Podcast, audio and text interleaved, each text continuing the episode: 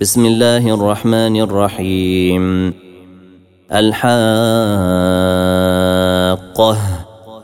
ما الحاقة؟ وما أدراك ما الحاقة؟ كذبت ثمود وعاد بالقارعة. فأما ثمود فأهلكوا بالطاغية.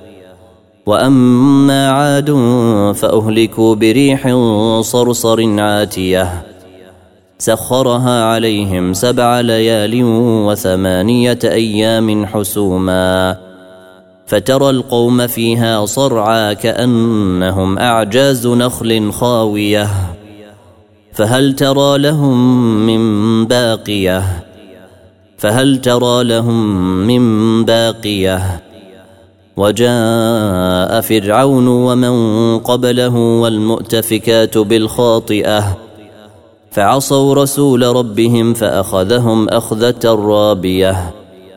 إنا لما طغى الماء حملناكم في الجارية لنجعلها لكم تذكرة وتعيها أذن واعية.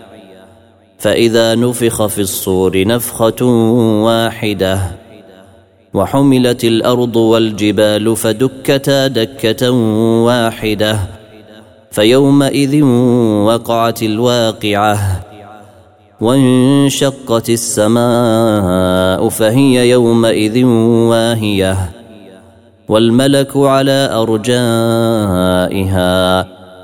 ويحمل عرش ربك فوقهم يومئذ ثمانية. يومئذ تعرضون لا تخفى منكم خافية. فأما من أوتي كتابه بيمينه فيقول هاؤم اقرءوا كتابيه.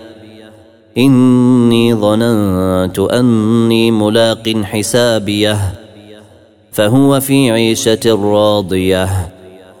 في جنة عالية قطوفها دانية. كلوا واشربوا هنيئا بما أسلفتم في الأيام الخالية. وأما من أوتي كتابه بشماله فيقول يا ليتني لم أوت كتابيه ولم أدر ما حسابيه.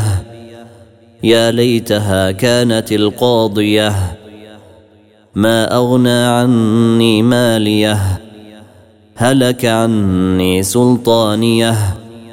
خذوه فغلوه ثم الجحيم صلوه.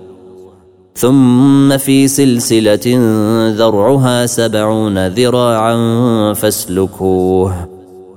إنه كان لا يؤمن بالله العظيم ولا يحض على طعام المسكين. فليس له اليوم هاهنا حميم ولا طعام إلا من غسلين. لا يأكله إلا الخاطئون. فلا أقسم بما تبصرون وما لا تبصرون. إنه لقول رسول كريم. وما هو بقول شاعر؟ قليلا ما تؤمنون. ولا بقول كاهن. قليلا ما تذكرون. تنزيل من رب العالمين.